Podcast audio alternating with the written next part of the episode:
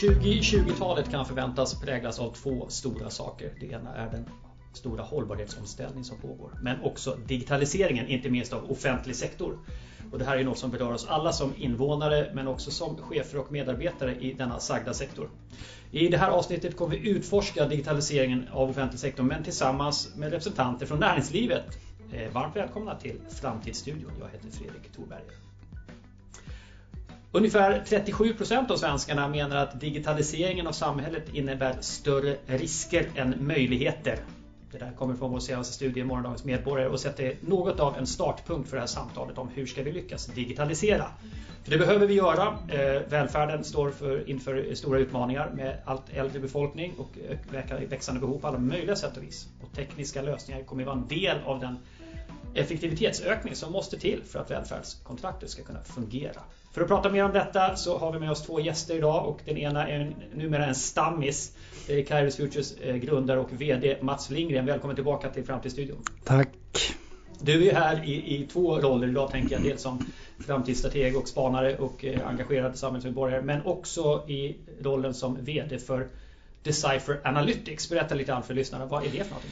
Det är ett företag som startade sitt liv inom ramen för Kairos Future när vi för drygt 10-12 år sedan började experimentera med nya researchmetoder för att effektivisera ja, researcharbete egentligen. Vi scrapade webben på innehåll på sociala medier och annat och så småningom så växte det där fram till metoder och för några år sedan så startade, slängde vi ut det här i ett eget bolag som idag har en, en plattform för att automatisera kunskapsarbete kan man säga. Just det. Mm. Men det är en så kallad AI-plattform som vi vanliga eh, svenskar Ja, en, en, en AI-plattform med fokus på textanalys. Så det är liksom världens mest kompletta plattform eller verktygslåda för de som vill jobba med text. Alltifrån att bara identifiera namn, egennamn eller sentiment i texter till att faktiskt generera, autogenerera textsummeringar. Skicka in en bunt pdf-er och be AI summera upp de viktigaste slutsatserna med avseende på något till exempel. Det var Mats, men du är ju inte enda gästen. Idag har vi också Mattias Fahlén med oss eh, som idag jobbar på Salesforce. Varmt välkommen till Framtidsstudion. Tusen tack! Trevligt att vara här och trevligt att få träffa både dig och Mats igen som jag hade förmånen att lära känna för redan 20 år sedan. Men som sagt, idag sitter jag här som representant för Salesforce och vårt initiativ och satsning mot den offentliga sektorn. Eh, Salesforce, jag vet inte hur mycket ni känner till. Nej, men berätta lite grann. Absolut, absolut. Salesforce är ju ett bolag som har ja, lite drygt 20 år på nacken. Eh, grundades i USA eh, utav våran eh, kära co-CEO Mark Benioff. Eh, med ambitionen att eh, man skulle kunna köpa ett CRM-stöd. Eller där och då så var ju ett CRM mycket av ett säljstöd. Vad är CRM? CRM står direkt översatt för Customer Relationship Management. Alltså ett verktyg där jag som säljare eller medarbetare idag, vi ska tala om då och nu, eh, idag eh, kan, kan samla aktivitets och engagemangsdata kring mina kunder, medborgare, patienter eller vad det nu skulle kunna tänkas vara i. Då. Eh, men där och då så var det mycket fokus då på säljet, säljorganisationer. Eh, och under de här senare åren så har man ju nu också tittat på det utifrån ett lite mer sofistikerat perspektiv. Man talar om ett modernt CRM är ju ett inkluderande CRM där vi demokratiserar data, vilket också är ett eh, begrepp om något. Ja, men I praktiken så innebär ju demokratisering av data att vi säkerställer att de inom en organisation, oavsett det är en kommun, myndighet eller ett företag, eh, arbetar under samma förutsättningar. Så att du och jag som medborgare eller som kunder, konsumenter eh, får så relevant budskap som möjligt. Eh, det vill säga vi undviker de här situationerna som allt för ofta har uppkommit där vi matas med, om vi nu tar ett exempel från näringslivet, matas med eh, reklam och information i situationer där vi kanske har ett eh, problem med eh, givna leverantören. Målet är att eh, som sagt säkerställa att den här typen av data harmoniseras då över organisationen så att dialogen med mig som medborgare, kund, konsument blir så relevant som möjligt. Mm. Okej, okay, och det här betyder nu alltså vi ska diskutera den offentliga sektorns digitalisering och för att göra det så ser vi till att offentlig sektor inte är med i samtalet. Det kan vi tycka är lite konstigt men vi är helt öppna med detta. För nu delar vi perspektivet från vi då naturligtvis som framtids omvärldsspanare men också utifrån eh, perspektivet som Mattias står från Salesforce och, och Mats som jobbar med att uh, sprida nyttan med AI och textanalys, vad det kan användas till. Och så. För det, det, finns insikter i mötet med offentlig sektor som är värda att fundera lite Vi kan väl lägga till också att vi jobbar ju faktiskt en hel del med digitaliseringsstrategier och liknande åt Precis. offentlig sektor. Så är det, så är det. Och varför är det här viktigt? Ja, jag antydde det i inledningen. Digitalisering är en hållbarhetsfråga. Vi behöver få mer bang for the bucks eh, för att hantera de utmaningar som finns. Det är inte bara en åldrande befolkning, det är pengar som ska gå till klimatanpassningar, till eh, militär och civil beredskap och, ökad hantering av välfärdskriminalitet och vad det nu kan vara för någonting. Så att, eh, det är från det perspektivet vi tycker det är så oerhört angeläget att borra i den här frågan.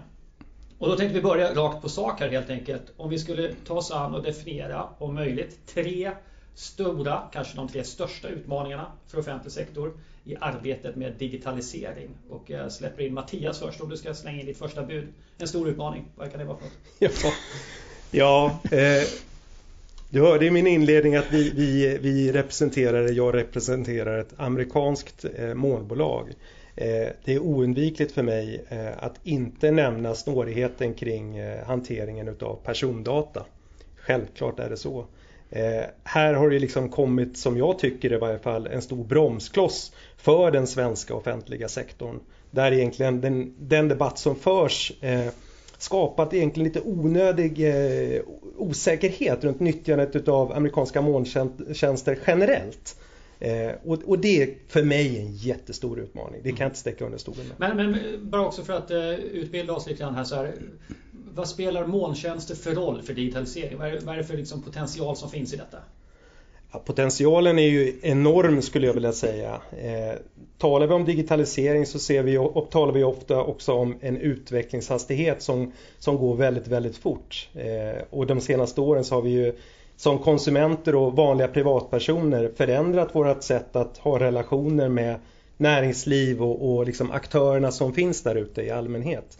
Eh, för att det ska fortsatt liksom kunna levereras utifrån de krav som vi i och med att vi har varit delaktiga i den här utvecklingsresan har så måste man någonstans också säkerställa att utvecklingen sker där det går fort, det vill säga inom molnet. Mm. Men, det finns ju fler, och det finns, jag tycker det finns flera olika perspektiv på det där. För det, det vi sett är ju, om man backar tillbaka till den här, tar det långa spåret. Absolut. Då utvecklade ju varenda företag sin egen, man skrev sin egen programvara det vi gör med, med molntjänster egentligen det är ju att vi skapar enorma skalfördelar och på, en, på ett sätt så potentiellt kan sänka kostnaderna. Alltså för fler all... delar på samma programmeringsjobb ja, som görs. Exakt, för att du, du, du, du sprider ut det där på 100 000, 10 000, 100 000. Exakt. Mm. Och, jag, och, och, och, det, och det är den ena sidan. Den andra är ju faktiskt att det blir mycket, mycket, du får mycket, mycket högre säkerhet för att du har några stora leverantörer som dessutom driftsätter alla andra ut, utvecklares plattformar. Och de, eh, det finns ingen annan i världen som kan lägga den, de resurserna på att liksom hålla icke-behöriga utanför de här lösningarna. Så att säkerheten ökar. Och när du säger driftsätter olika aktörers lösningar, då menar att det, om, om eh, ditt AI-system kan använda funktioner som ligger i molnet hos Microsoft? Ja, men egentligen om vi tar Decipher nu då. Vi mm. ligger i en av de här molnleverantörernas eh, lösning. Kairos Future har en annan plattform eh, för innovation eh, som heter Cotunity. Den ligger i en annan sån här molnleverantörs eh, plattform. Och det innebär att, att datat där är skyddat mycket bättre för ska säga, externt intrång än vad det är på någon annat ställe. Sen finns det ett problem och det är det som Mattias är inne på som har med GDPR att göra. Ja, och, vi, och vi, jag tycker att det här samtalet, jag menar det är oundvikligt eh, för mig som jag sa tidigare att inte nämna det. Men jag tycker också att det här samtalet måste blicka bortom det nuvarande problemet och se exempel på att här jobbas det på lösningar kring eh, att komma till, komma till ordning på, eh, med detta. Så att jag, jag, ser någonstans att det, det, är en utmaning vi har här och nu idag.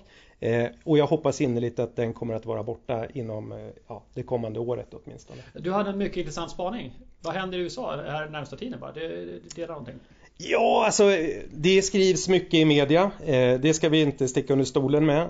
Men det som jag noterade här i veckan det var en artikel i Politico där Eh, Biden eh, och von der Leyen. Man har alltså försökt få till ett nytt avtal mellan eh, EU och USA för att komma till, till ordning med den här frågeställningen och nu, nu kommer det då en så kallad president order som kommer att förhoppningsvis, säger jag, skrivas under under nästkommande vecka. Vilket såklart öppnar upp för möjligheten på ett annat sätt. Man ska också vara liksom lite reserverad när vi talar om presidential orders. För man sitter ju trots allt på en mandatperiod. Vi vet aldrig vad som kommer hända vid nästa val. Men det här är ju ändå en god start och en god förutsättning för att det ska tillkomma ett nytt kontrakt mellan EU och USA vad gäller hanteringen utav persondata och möjligheten eh, om en osannolika eh, eh, situationen att eh, nationella, eh, vad säger jag, eh, nationella förlåt, myndigheter i USA eh, vill, vill hämta ut data hos ja, till exempel Microsoft eller Salesforce. För det här är ju kärnan till att svenska myndigheter, kommuner och regioner har haft tveksamheter kring eller har avstått från att använda amerikanska molntjänster. Att, att amerikansk lagstiftning har gjort det möjligt för amerikanska myndigheter att hämta ut personuppgifter om svenskar i fall av misstänkta alltså kriminalitet och så vidare.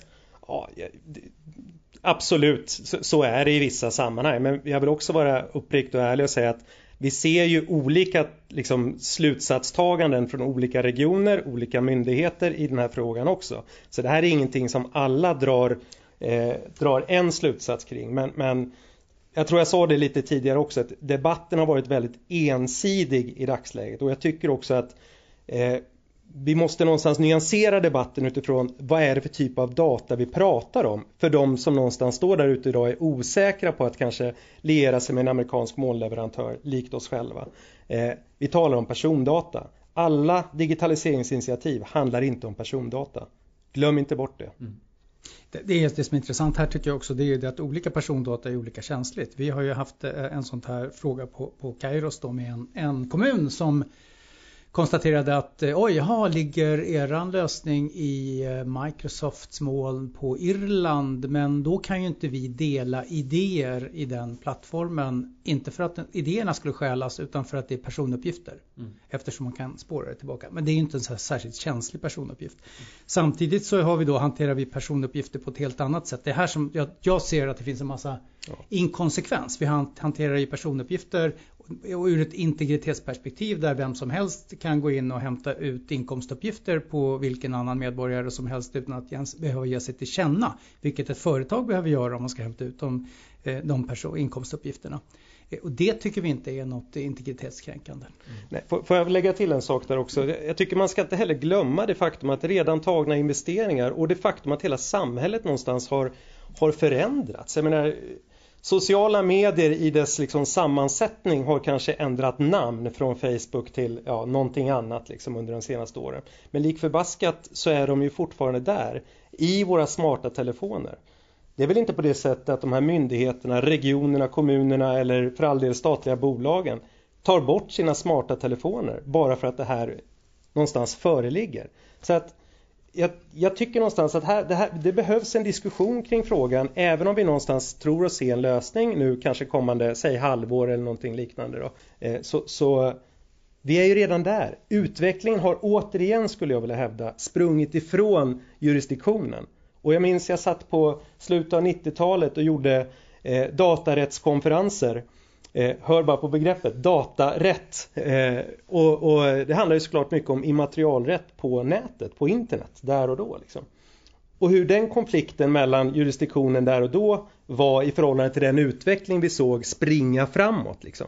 Så att vi måste någonstans vara realister i det här också. Inte titta för mycket på nuet utan blicka, höj blicken, titta ett antal månader fram i tiden så ska vi nog se till att vi har en lösning på detta.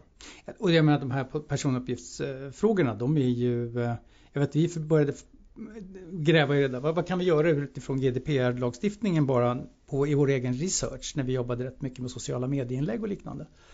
Och då kan man ju tycka det att om jag publicerar ett, ett inlägg på Twitter så är det ju faktiskt så. Är det en personuppgift? Är det en väldigt känslig personuppgift? Jag har ju redan delat den här i en blogg eller Twitter eller Facebook eller vad det nu är någonstans, Instagram. Nej, men då tyckte ju eh, juridiken att vi kan, inte vi kan inte citera ett, vi kan inte i en presentation till exempel lägga, lägga in ett citat från ett socialt medieinlägg eftersom det är en personuppgift.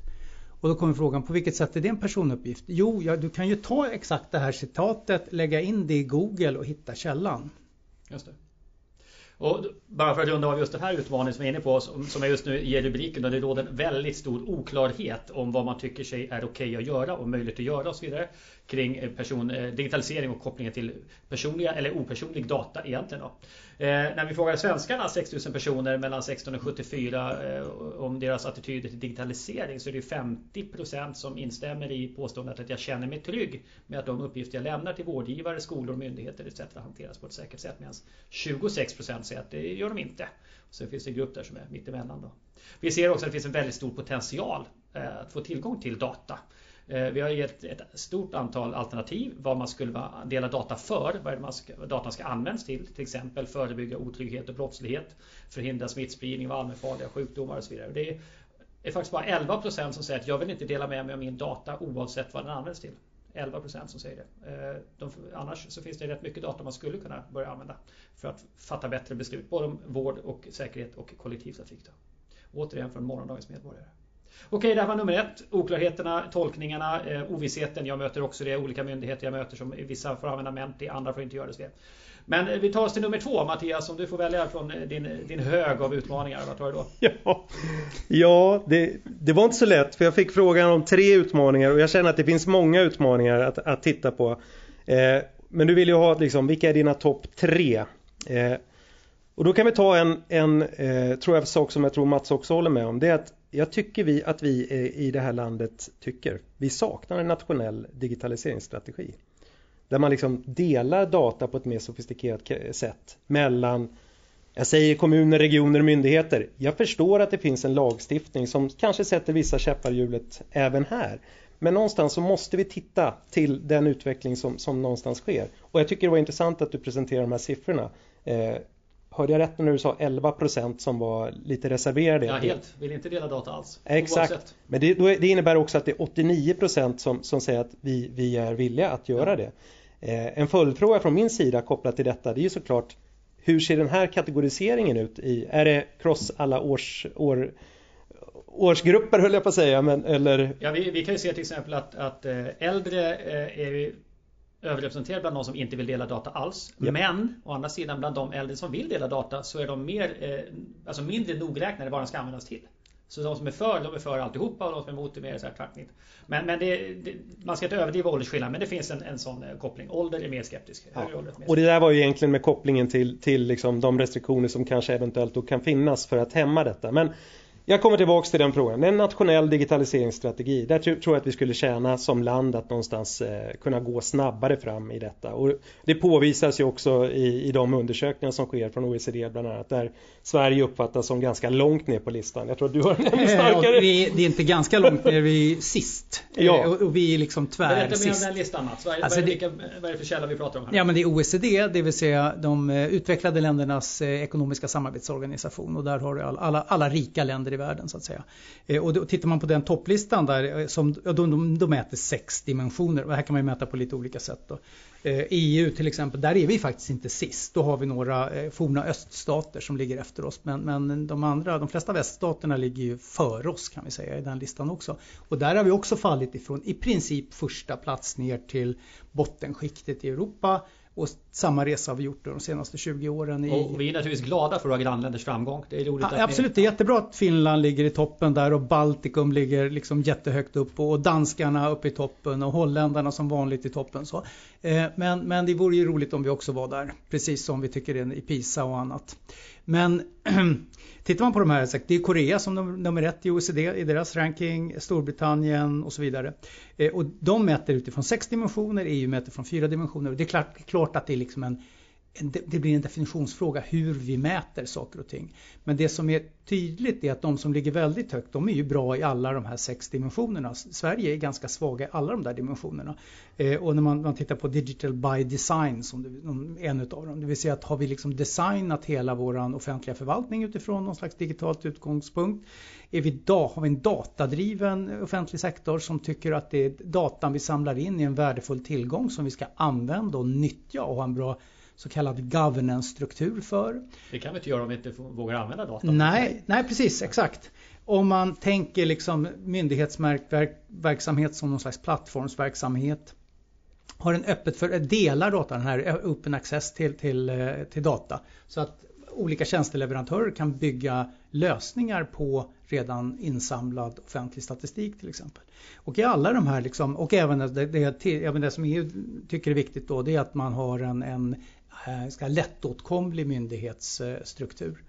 Så att egentligen är det väl så att vi ligger ganska dåligt till i alla grenar och sen kan man ju då tycka att um, det här är, är, är, lite märkligt för att vi är ju jättedigitala i Sverige och vi har ju en del myndigheter som är väldigt tillgängliga, absolut så. Det brukar ju sägas att man som techbolag gärna testar saker i Sverige. För ja, och det, och det, ja, precis så. Ja. Och det beror ju på att vi som svenskar är väldigt digitala. För ja. tittar vi på liksom de tre dimensionerna, hur uppkopplade är digitala medborgare, företag och myndigheter. Så de första två kategorierna, då hamnar vi nästan alltid topp. Mm. Någon topp, liksom topp ett topp 5, topp 10 i alla fall globalt i de där dimensionerna. Så att individer och företag är rätt uppkopplade i Sverige. Det är myndighetssidan som tappar. Jag menar, vi började ju bra och det här tror jag om jag, får ta mina utmaningar, det här är en av de som jag ser. Nämligen vi, vi tronar på minnen från fornstora dagar. Vi tror fortfarande att vi är så bra som vi var i slutet på 90-talet.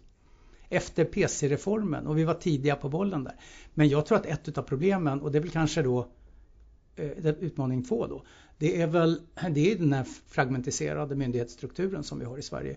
Den är, gör det mer komplicerat att driva en, en, fram, en strategi, en offensiv digitaliseringsstrategi. Men, men berätta, du säger fragmentiserad här, ja, vad, vi, vad, menar du med det? Vi, jag menar, om du tittar på väldigt många jämförbara länder i, i, jämförbara med Sverige. De har inte 200 myndigheter som ligger separerade från regeringskansliet. Vi har inte bara 200. Nej, 400, 400 är till och med. Ja, precis. Ja. Men, men, det finns, och jag menar, det finns några stycken som är stora och så finns det en lång, lång, lång Men om vi liksom tänker regioner till exempel, ja, 200, självorganiserande här så att ja, du har, ja, men du har ett antal, du har ett 20-tal regioner, du har ett 300-tal, ungefär 300 kommuner du har 400 myndigheter och alla är ska, säga, ska driva sin egen verksamhet, göra sina egna upphandlingar, sina egna inköp.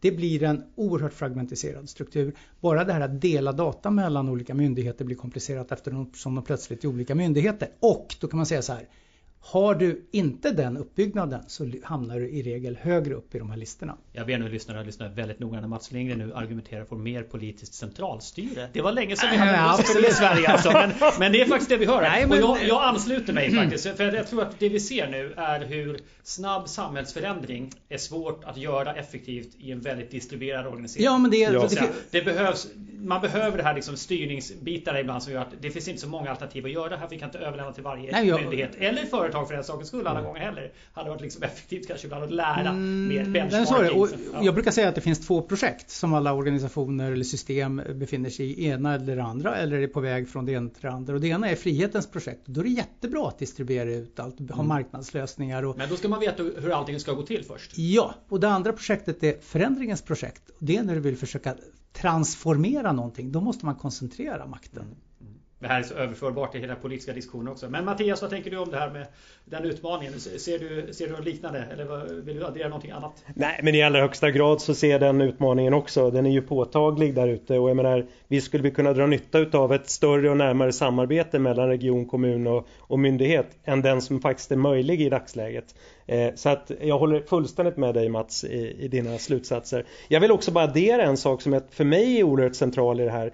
Eh, och det är ju det som faktiskt Åsa Zetterberg belyste häromdagen i, i eh, ja, jag minns inte om det var Nyhetsmorgon eller om det var SVT-nyheterna där man talade om den brist på kompetens kring digitalisering som vi faktiskt har i det här landet. 70 000 arbetsställen, det är det man efterfrågar nu de kommande åren. Liksom. Alltså folk som är duktiga på att programmera och bygga system och teknik och... Ja, och det här är också viktigt tror jag. För det, där berörde Mats lite grann också tror jag när du snackade om moderna plattformar och så vidare. Idag är inte det alltid frågan om att vara duktig på att programmera. Jag menar, där tar jag mitt bolag som ett exempel, Salesforce. Jag menar, vi, mycket utav de, många av de applikationer som vi idag har tillgängliga på marknaden och som också eh, så att säga eh, kan möjliggöras via Salesforce plattform eh, kan ju byggas utan kod.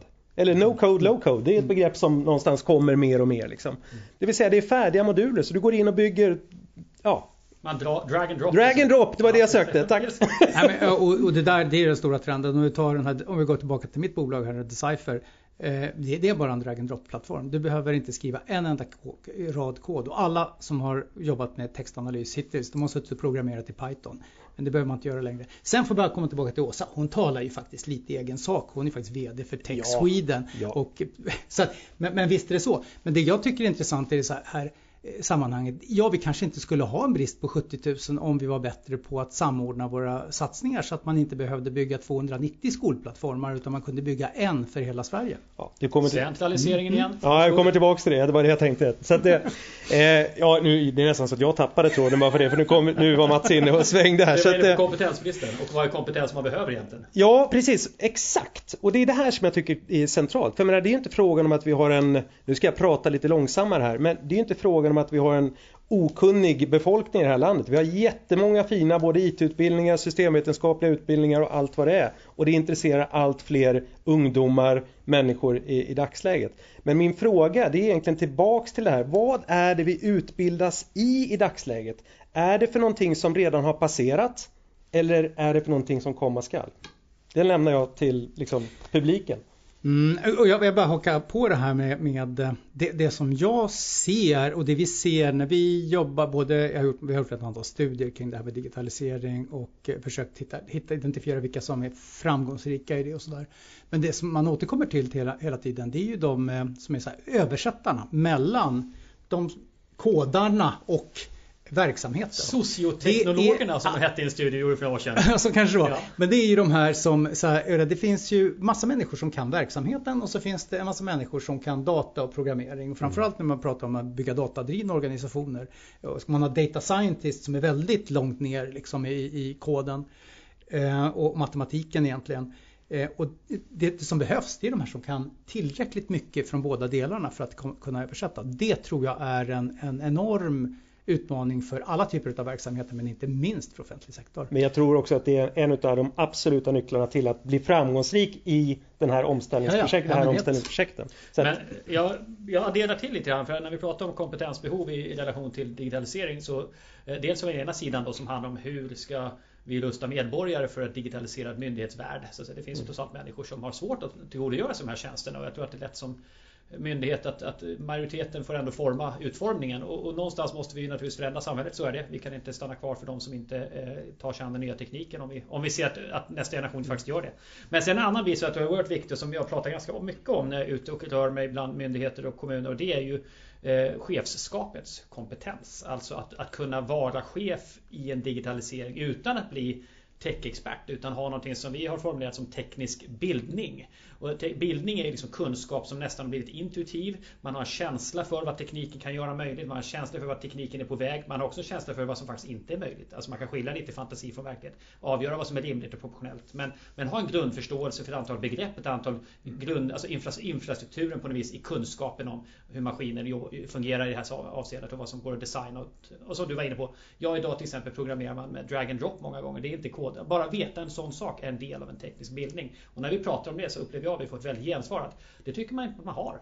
För vart skulle man ha fått den? Liksom, man har gått på Socialhögskolan, blivit socialsekreterare och sen socialchef i en förvaltning till exempel. Ja men det är klart det inte har ingått. Inte ens lärare har haft eh, liksom, och- teknikundervisning eller dataundervisning eh, fram till ganska Nej, och, gre- och grejen är att det här är ju inte unikt för offentlig sektor. Absolut. Det, ju, det gäller även i näringslivet. Vi gjorde ett projekt för ett par år sedan tillsammans med Bisnode, numera Dun Bradstreet. Vi tittade på eh, vad ska jag, med, medelstora och stora bolag runt om i Europa i nio olika länder. Och då försökte vi titta, så att vi verkligen vi operationaliserade graden av digitalisering i, i företagen. Det vill säga, jobbar ni så, så, så, så, så? Sen frågade vi dem er, och det här var folk i ledande befattning, i huvudsak VD som svarade. Så i, hur stor andel av din ledningsgrupp kan förklara det, det, det, begriper det här, det här i ett antal digitaliserings eller IT-relaterade frågor. Och det var ett enormt starkt samband mellan graden av digitalisering och förståelse för digitalisering i ledningen. Och om man fortsätter ner alltså nedströms då mellan graden av digitalisering och upplevd eh, konkurrenskraft jämfört med konkurrenterna. Så att det har ju så att ledningens eh, eh, så här, insiktsnivå är helt avgörande för att få någonting att hända. Och det här är ju inte unikt när det gäller digitalisering men, men eh, Ja, ibland, ibland, för det här, nej, liksom. men man skickar ut och det blir en IT-fråga. Jag brukar säga så här, jag menar, det har vi sagt ett antal år nu så här, IT har gått från att vara ett stöd till affären till att bli själva affären och det är nog på väg att ske även i offentlig sektor. Det är samma sak, vi har eh, hållbarhet har tidigare varit en någonting som man, ett lager icing on the cake, liksom, eh, vad heter det på svenska? Ja, eh, till att bli också själva affären, vilket gör att man då, vi fortsätter på det spåret, man behöver kunna håll, begripa hållbarhet också på högsta ledningsnivå. Mm. Ja, får jag komma, komma in där? Jag, jag, jag vet inte. Ja, men, schysst, ja, men jag, det var, en, nej, men det var ett, en sak som jag reagerade på Mats, som jag på ett plan kanske ska hålla med om där. Vi sitter trots allt i en, i en podd om digitalisering. Men jag vill ju någonstans hävda att digitalisering är ett verktyg. Det är, inget, det är inte transformation i sig. Det är verktyget för att vi ska förändras. Eh, och, och, eh, och jag håller fullständigt med dig. Vi ser ju samma lika tendens som du beskriver liksom i de kundsammanhang som vi, vi har eller kundorganisationer vi har där ute till våra lösningar idag. Att Framgångsrika initiativ de kommer ofta genom att du har en ganska låg, ett litet gap, för det finns alltid ett gap mellan ledning och, eh, och eh, jag säger IT-verksamheten. Mm. Det finns alltid ett gap där vare sig vi vill eller inte. Eh, men där ser vi mer framgångsrika initiativ. Men då tycker jag också vi som leverantörer, för nu får du ta på dig din andra hatt i det här mötet.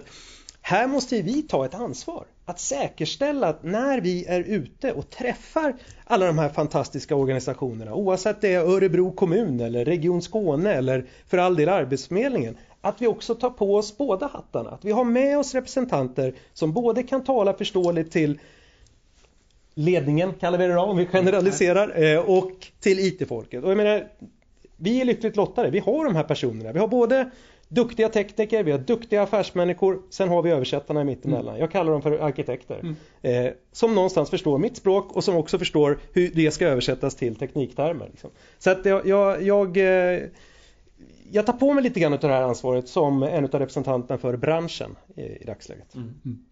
Är det en stor efterfrågan att få välfärden digitaliserad och få mer automatiska tjänster? Vi ställde lite frågor kring hur man såg på att få Eh, få hjälp av automatiska system som vi kallar det, exempelvis AI i kontakter med skola, vårdgivare och myndigheter. Är det någonting som skulle få människor att känna sig mer bekväm med att använda sådana system? Och det som är flest eh, svarar på det är helt enkelt att de tycker att om jag kan lita på att systemet är minst lika kompetent som en människa. Mm. Och här kommer förstås frågan då vad det är för uppgifter de här systemen ska lösa när de är det. Men det är, det är 35% som säger att nej, men om jag kan lita på det då skulle jag vara mer bekväm med AI då. Men, Däremot, men, ja. men, grejen är att de kommer inte veta om det är en AI eller Nej, inte. det är också en grej, mm. precis. Och det finns ingen bild nödvändigtvis om vad det är, hur det här systemets liksom, interface ser ut på mm. något sätt. Eller vad man är. Däremot så ställer vi just frågan också om man upplever kontakten som mänsklig var ett alternativ. Skulle det göra mig mm. mer bekväm? Och det är bara 15% som tycker att det spelar roll. 15 procent. Så, så, är det säkert. Ja. ja, det ser vi här i datan. Mm. Ja, ja, det... på här. Eh, och sen kan vi säga att det är 3 procent som säger att inget av ovanstående, jag är redan bekväm med digitala tjänster som AI. Mm. Men det är 3 procent mm. som liksom säger det generellt sett. Jag behöver inget mer. Får jag bara komma in med en sak? Jag bara sitter och funderar på det. Det är en frågeställning som jag faktiskt ibland själv eh, nyttjar i de sammanhang där vi ska ut och berätta om vad vi kan åstadkomma för, för våra potentiella kunder det är, att möjligheten att, att visualisera vad är det som är möjligt. Kan det vara en, en anledning till att siffran bara är 3%? För man vet inte riktigt vad kan det åstadkomma? Vad är det för värden det kan skapa för mig? Jag bara tänker högt här. Ja, men det är jätteviktigt. Så är det tveklöst. Man vet inte. Och det tänker jag det är en utmaning som gäller både den digitalisering som vi har som huvudtema nu men vi pratar också om hållbarhetsomställning. Ja. Vad är ett hållbart samhälle? Har jag lust att leva i det? Jag vet inte. Ska jag åka, liksom, hur ska jag förflytta mig? Hur ska jag bo? Så, vad, vad, betyder det? hur förändrar det mitt liv? Så det tror jag är jätteviktigt. Uh, yes, det om utmaningen. Det behövs kompetens. Det behövs kompetens i organisationer som kan få saker att hända. Det behövs techkompetens i Sverige som kan få saker att hända. Det behövs kompetens hos chefer som ska få digitalisering att hända. Men också hos medborgare som ska förstå vad det är för någonting som skulle kunna hända. Vad är det för service jag skulle kunna få och så vidare. Ska vi ta, ja? ja men jag, jag, jag satt och funderade på det. Det finns ju ett medarbetarperspektiv. Jag vet inte om du tänkte komma till det Fredrik. Men, men vi har en opublicerad studie som kommer publiceras som vi jobbar nu med eh, på, åt, åt en, en, kund här på Kairos. Eh, där vi tittar lite på upplevelsen av digitalisering i, och erfarenheten av digitalisering på arbetsplatsen. Och det vi ser där det är ju att de flesta är oerhört positiva och man har, de, de erfarenheter man har de är ju i huvudsak positiva. Man, det handlar inte om rädsla för att bli bortrationaliserad. De väldigt få har erfarenheter också utav Färre har erfarenheter av att liksom man, man, minskar personalstyrkan efter en, en, en automatiserings och digitaliseringsprocess i förhållande till de som då ser en ökad ökad digitalisering. Och det som är mest intressant tycker jag, de som har, är mest nöjda med sina arbetsplatser, det är också de som har genomfört liksom framgångsrika sådana här digitaliseringsprocesser. Mm. De är dubbelt så nöjda. Det känns som att det ska ha ett samband. Framgångsrika processer och nöjdhet. Ja, men även, jag kan säga så här, även om du plockar bort framgångsrik. Ja, mm. ja bra. Kan, när vi frågar människor om det är bra för mig och hela samhället om myndigheter, sjukvården och omsorgen så mycket som möjligt använder tekniska hjälpmedel som AI för att hjälpa medborgaren. Ja, då är det en tredjedel som tycker att det vore bra för mig och, hela samhället och en tredjedel som tycker att det inte vore det. Mm. Och sen ett gäng i mitten som inte vet. Men om du, om du tar det ur ett medarbetarperspektiv. Det, man är, det som irriterar i stort sett mest det är icke-fungerande administrativa system. Just det. Mm. Och då har jag en fråga, en jättestor fråga till, till Mattias här, som jobbar med att, att lösa sådana här utmaningar för organisationer med att få in bra system. En av våra eh, goda vänner här, kunder, en region i Sverige, då berättade han att de har 800 olika system i regionen. Och då blir min fråga så här, är det någon som vet hur man liksom uppdaterar hela den här organisationen? Eller hur gör man för att komma ur de där 800 systemen? Det är, det är för mig en 10 000 fråga. Var börjar man och hur får man det skiftet? För det, han sa, vi lägger våra pengar för att få de här systemen att prata med varandra och bygga bryggor och underhålla dem. Och helst skulle man ju vilja byta dem. Hur, hur, vet du hur man börjar? Du behöver inte ha svar. Ja, nej, nej, men alltså där kan man ju resonera kring också. Men jag tror att det första man måste ställa sig det är frågan varför har vi den här setupen idag helt enkelt? Varför ser det ut som det gör? Och vad är det vi vill åstadkomma? Och varför vill vi åstadkomma någonting annat? Liksom? Vi kan konstatera att vi har 800 system som summerar upp eller samlar på en herrans massa data. Men vad är det för typ av data vi faktiskt använder i, i den här regionen? Är det så att vi dagligen använder all, all den här datan på ett eller annat sätt? Det, ja, det är ytterst tveksamt, det tror jag också Mats faktiskt. Det finns data sedan way back som sagt som mm. någonstans har någon förpliktelse. Nej, jag, jag, tänker att utmaningen här det är ju avbrottet som man tänker sig. Om vi byter system, vad, vad gör vi då med liksom? Ja, men det behöver inte ske, det behöver inte ske något avbrott utan återigen tillbaks, vad är det vi vill åstadkomma? Om det är så att vi vill förbättra dialogen med patienterna, mm, sjukhusen mm, mm. i regionen. Ja, men då är det kanske mer en fråga om, om jag nu får tala i egen sak här, ett engagemangslager som ska till. Och då handlar det ju faktiskt om att hämta upp den data data som behövs för att du ska kunna ha en relevant dialog med patienten eller eh, vård, ja, vem det nu kan vara, vårdnadshavaren till patienten och så vidare. Så det handlar ju någonstans om att lyfta upp rätt data till rätt person vid rätt tillfälle. Ja just det, men nu är du inne på datamängden hur man ska använda dem massa som ligger där. Ja. Jag, jag tänker mer också så här, om jag jobbar som sjuksköterska och registrerar saker, ska jag sedan köra två system en period och sen lägga av med det gamla? Ja. Nu kör du redan 4, 5, 6, ja, 7, 8 ja, varje dag. Ja, visst. Mm. Och då är det, bara, är, det, är det det steget man inte kommer undan förstår jag? Liksom, så måste det vara gissar jag. jag. Jag tror att man måste någonstans se på det här stegvis faktiskt faktiskt. Jag tror inte vi kan bara hoppa ifrån att eh, gå ifrån fyra eller fem eller tio system till att tro att vi kan lösa allting i en och sam, ett, en, ett och samma fönster. Jag tror ärligt talat inte det. Eh, det jag däremot tror är att man kan ta det här stegvis och att man kan någonstans förflytta vissa dialoger som någonstans kanske står för 80% utav, dialog, äh, utav samtalet med patienten om nu säger så till, och då säger jag egen sak igen, ett engagemangslager. Mm. Eh, men man tar, jag tror att det finns flera aspekter på det där. Ta de här 800 systemen till att börja med. Ja, men hur har de uppstått? Jag skulle gissa att i den här regionen så är det 500-600 av de där som någon enskild forskare har upprättat en databas för han har gjort, gjort en forskningsprojekt och det är hans respondentsvar. För, mm. för sådana finns mängder mm. i, inom, inom vårdsystemet. Eh, och de behöver vi nödvändigtvis inte integrera in i allt annat. Det är väl, och då kommer det massor av personuppgiftsfrågor och sådär kring, kring, kring, det. Men, men det som, om man tar, tar vården som, som system, det som är kanske allvarligt det är att vi lägger så otroligt mycket tid på inloggningar och utloggningar. Starta upp mm. system, stänga ner system på grund av säkerhetsskäl. Eh, och, och, jag kan inte alla detaljer kring det här. Nu, nu, nu är avdelningen ute och läsa nyheterna som alla andra. Eh, men jag, jag förstod att det var någon av läkarna som var också tidigare programmerare på Södersjukhuset mm. som bara skapades någon, någon, slags säker single sign-on lösning som man loggar in en gång. Mm. Eh, och slipper det här med att vänta 10 minuter på att datorerna ska starta, göra någonting på 10 sekunder och så stänga ner dem igen. Mm.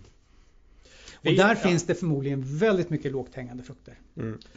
Jag tycker vi rullar vidare för nu har vi kollat på utmaningar. Vi har pratat om eh, förvirringen och, och, och oklarheterna och tolkningarna av lagstiftning. Vi har pratat om bristen eller behovet av kompetens i alla möjliga former. Eh, vad är det sista ni vill lyfta som en utmaning om du skulle plocka någonting från, från eh, era, dina tankar Mattias? Jag tror någonstans att vi lever i en väldigt speciell världssituation i dagsläget. Eh, med ett säkerhetsläge, säkerhetsläge som inte har varit eh, så, så otryggt eh, på, ja, sen andra världskriget i stort sett. Och jag då som sitter och jobbar med den här typen av lösningar, jag tror också det kanske till och med speglas av i undersökningar som vi gör idag där vi någonstans förflyttar analoga sätt att interagera eller hur det nu kan vara till ett digitalt, in, in i en digital kontext skapar liksom en oro. Vågar vi göra det här nu? Är det så att eh, handslaget, det fysiska mötet, eh, det handskrivna pappret och så vidare för gemene man känns tryggare i, ett sånt här sammanhang? Jag vet faktiskt inte. Men jag tror att det påverkar vårt, vårt sätt liksom att eh, Ja. Man är mindre förändringsbenägen under stress. jag, tror att man, jag tror att det är en väldigt tacksam, bra summering faktiskt. Jag tror att man är mindre förändringsbenägen i en sån här situation. Ja, det tror jag faktiskt. Mm. Och det tycker jag är lite synd för jag tror snarare att viss förändring eh, kan också hjälpa eh, oss att komma ur en stressad situation. Mm. Det vet vi också att för att komma ut en stressad situation oavsett den är personlig eller det, vad det nu kan handla om så, så det kräver ju någon form av förändring mm. i mitt beteende och sätt mm. att vara. Så att, men jag tror dessvärre att det är någonting som, som också påverkar, eh, påverkar oss mm. idag. Vill du bygga på något där Matti? Eh, nej, men jag har en utmaning. Ja, men då ska jag bygga på det Mattias säger. För att en av de intressanta sakerna i den här studien som jag återkommer till hämta data från just nu, morgondagens medborgare, det var att vi ställde frågor där vi kunde ringa in eh, om de svarande kunde beskrivas som teknikentusiaster eller mer teknikskeptiska. Eller om de var också mer hållbarhetsorienterade eller mindre hållbarhetsorienterade. Och då kunde vi skapa här fyra typer där en då är positiv till teknik och positiv till hållbarhetsomställning. Men en som är positiv till teknik men inte tycker om hållbarhetsomställning lika mycket. Så vi fick olika grupper här. Och då finns det två grupper som sticker ut här. De ena kallar vi för progressiva. De gillar teknik och digitalisering och de ändrar gärna sitt livsstil och är på för hållbarhetsomställning. De är progressiva. Sen har vi motparten då så att säga i, någon attityd då. Det är de reserverade. Vi tycker inte om digitalisering. De är osäkra med dela data och så vidare. Men de är heller inte så engagerade kring hållbarheten och är inte beredda att bli eh, påverkade i någon speciell riktning och vill inte ställa om så mycket. Och det är när man tittar på de här grupperna och ser vad det är som kännetecknar dem förutom de här frågorna så ser man ju att de som är progressiva som alltså är pro förändring på alla möjliga plan de är också känner att de har mer att bidra med i samhället. De har en längre utbildning. De eh, uttrycker mer tillit till eh, människor i allmänhet. De är liksom mer, eh, ja, i en mening som jag säga att de verkar ha ett mer framgångsrikt liv. Inte i berömmelse och pengar nödvändigtvis, det vi pratar om. Men de är liksom väl integrerade i samhället. De är delaktiga, de har kompetens känner de, är trygga i samhället. Medan de reserverade, som är då, de har lägre inkomster, de är inte engagerade och mer negativa till tillvaron i lokalsamhället, känner mindre trygghet. De känner inte att de kan bidra till samhället och inte särskilt intresserade av samhället och dess utveckling, säger de själva. Och då tycker jag en intressant fråga här, det är ju så att säga eh, om vi ska få människor att komma på tåget med både digitalisering och hållbarhet. Ja, kan vi göra människor mer trygga i tillvaron så blir man också mer bejakande till att vara med i den här förändringen. Och vice versa, apropå förändringsbenägenhet och stress. Då, så att. Mm. Man kan ju beskriva det här tillståndet av osäkerhet som ett stressande tillstånd. Mm. Och det är för mig en av de viktigaste insikterna i den här studien. Alltså ja. förstå det. Ska vi lyckas med det så behöver vi få fler att känna ja, men jag, jag känner jag har koll på livet, jag har självförtroende, jag är, jag är någonting som, som är värt att lyssna på och så vidare. Och så vidare. Och, och, och, och, förlåt om jag flikar in där, men, men, och då tror jag också att det här, det här är inte en frågeställning bara för oss. Jag sa tidigare att vi som leverantörer måste ta på oss ett ansvar att faktiskt utbilda våra potentiella kunder att, och så vidare. Men det här, det här är ju nästan en politisk frågeställning, nästan, det är en politisk frågeställning skulle jag vilja hävda. Det vill säga det vi säkerställer att vi utbildar medborgarna på ett sådant sätt så att eh, vi skapar en tryggare, eh, skapar en tryggare kontext för, för dem att, att vara i. Mm, mm. Så att de här två delarna i större utsträckning går hand i hand. För att det är ändå det vi försöker driva mot idag. I mitt bolag så, så är sustainability, alltså hållbarhet, eh, centralt. Det är ett av våra nyckelord och våra värdeord, är värdegrunder. Vi har till och med produktifierat lösningar kring, kring detta för att någonstans påvisa vikten av att vi jobbar framåt med, med detta och, och eh, ja. Mats, en sista utmaning för dig? Ja, ja, den sista den hänger delvis ihop med den fragmentiserade eh, myndighetsstrukturen eller offentliga strukturen i Sverige. Men egentligen inte det. Utan den, det handlar också om att alltså, vinsterna med, med, med att som ledare, chef och ledare stå på barrikaden eh, och driva digitaliseringsförändringen, den är väldigt, väldigt låg. Alltså du har en, eh, incitamenten från de som faktiskt är, är beslutsfattare och ansvariga för att öka verksamhetsnyttan, medborgarnyttan och så vidare med inom offentlig sektor. Den är, den är otroligt låg i förhållande till risken att göra det. Risken att liksom trampa snett. Och där tror jag så att vi har, det finns inga egentliga incitament att, att driva agendan. Det kostar jag, inget att hålla tillbaka? Nej, och, och, det är också så om du tar på myndighetssidan så har, finns det en, en tendens, menar väldigt många, att eh, man håller sig allt hårdare i eh, regleringsbreven, det vill säga man agerar inte som Axel Oxenstierna tänkte en gång i världen för 400 år sedan, självständigt som, som en ämbetsman och driver, också driver frågor framåt. Man lutar sig mer mot vad vi har fått ifrån regeringen här att förhålla oss till. Och, och, och då gör det att, att, ingen, tar, ingen liksom känner att det här är våran fråga. Vi hade en, en diskussion för några år sedan när vi försökte eh, driva och försöka hitta tagare av ett projekt egentligen. Kan man säga. Eller vi försökte driva en fråga som handlade om vad ska vi göra för att inte ska springa runt en massa läkare som, inte, som har fått en indragen läkare, läkarlegitimation utan och fortsätter att hoppa runt från sjukhus och, och liksom, mm. eh, eftersom ingen riktigt vet att de har fått eh, legitimationen indragen. Det skulle man kunna lösa med någon slags blockkedjebaserad eller blockkedjeliknande lösning på ett ganska enkelt sätt. Vi pratar med Socialstyrelsen, högsta ledning, eh, och de säger men det här är inte våran fråga riktigt eh, att driva de här digitaliseringsfrågorna. Det är nog SKRs fråga liksom. Det är ju faktiskt regionernas. Så går man och pratar med SKR och säger med SKR, nej men det här, vet du, det här är inte våran fråga. Det här måste ju vara regionernas fråga. Ehm, och så pratar man med regionerna de tycker inte att det är deras fråga. Det här måste ju vara Socialstyrelsen. Så då, då håller man på och pekar så här, nu kanske man skulle lagt till, det är nog DIGGs fråga, liksom, digital, digitaliseringsmyndigheten. Och då blir det ju så att säga ingen, de här, de här viktiga och stora frågorna blir ingens fråga. I själva verket så sitter då Socialstyrelsen och skickar ut ett mail varje gång. Mm. Och då undrar man, hur bra är det ur, en digital, ur liksom integritetsperspektiv? Var hamnar mejlen någonstans? Hos HR-folk någonstans ute i regionerna och på, i privata sjukhus och så vidare. Men du saknar ett, ett helhetsägaransvar? Ett hel, för, och det, det finns ingen som äger frågan centralt i Sverige, eh, digitalisering, inte på, det, inte, inte på allvar. Eh, och incitamenten är ganska låga, så du blir inte hjälte på att driva digitaliseringsagender normalt sett. Eh, eh, däremot så kan du få smisk på fingrarna om du trampar fel. Du kan till och med hamna i fängelse om du är, är slarvig i GDPR-frågor. Mm. Ja. Även om det förefaller ganska osannolikt det är, det är extremt osannolikt. Det, det, det, vill vi verkligen betona. Nej, men, att, men, man kan få straff på upp till 4% av den globala ja, omsättningen ja. i alla fall. Men, men, men det, jag måste bara säga, för det kostar ingenting eh, att, att inte ta någon risk. Fast kostnaden är ju faktiskt på dig och mig. På oss ja, men den, det, och den är, den är ja, ju enorm ja, ja, i dagsläget. Det, kostnaden men det är hamnar, samma som med hållbarheten. Det kostnaden ingenting hamnar på nej, allmänna. Nej men, men exakt. Det, och det, det, hamnar på någon annan. Mm. Och så länge det hamnar på någon annan då behöver vi inte liksom, då kan vi prioritera det vi gör fortfarande Men eh, jag är tryggare om jag inte tar några risker. Så jag mm. håller mig inom, och det, det finns en annan, nu kommer min andra käpphäst eh, Fredrik compliance-trenden. Oh, jag fick in den fjärde gången i podden. Ding dong med våran klocka. Ja, men det, och det här går ju i hela samhället. Vi ska bara följa regler och så länge vi håller oss inom reglerna så är vi nöjda och glada. Mm. Och det främjar det, inte digitaliseringsagendan. Reglerna från det gamla paradigmet som inte längre alltid är så relevant. Så är det. Sen ja. kör vi tillitsbaserat ledarskap ovanpå det så blir det bra. Så, då var det dags att runda av. Så jag säger stort tack till dig Mattias Fahlén, Salesforce, för att komma hit och diskutera digitalisering och offentlig sektor. Stort tack själv! Superkul att vara här. Tack! Tack också till Mats som brukar dyka upp igen och prata lite om anti-compliance och centralstyre. En liten paradox som vi ser fram emot en rapport på temat i framtiden. Det här är slut för den här gången. Framtidsstudion tackar för sig och jag heter Fredrik Skolberg.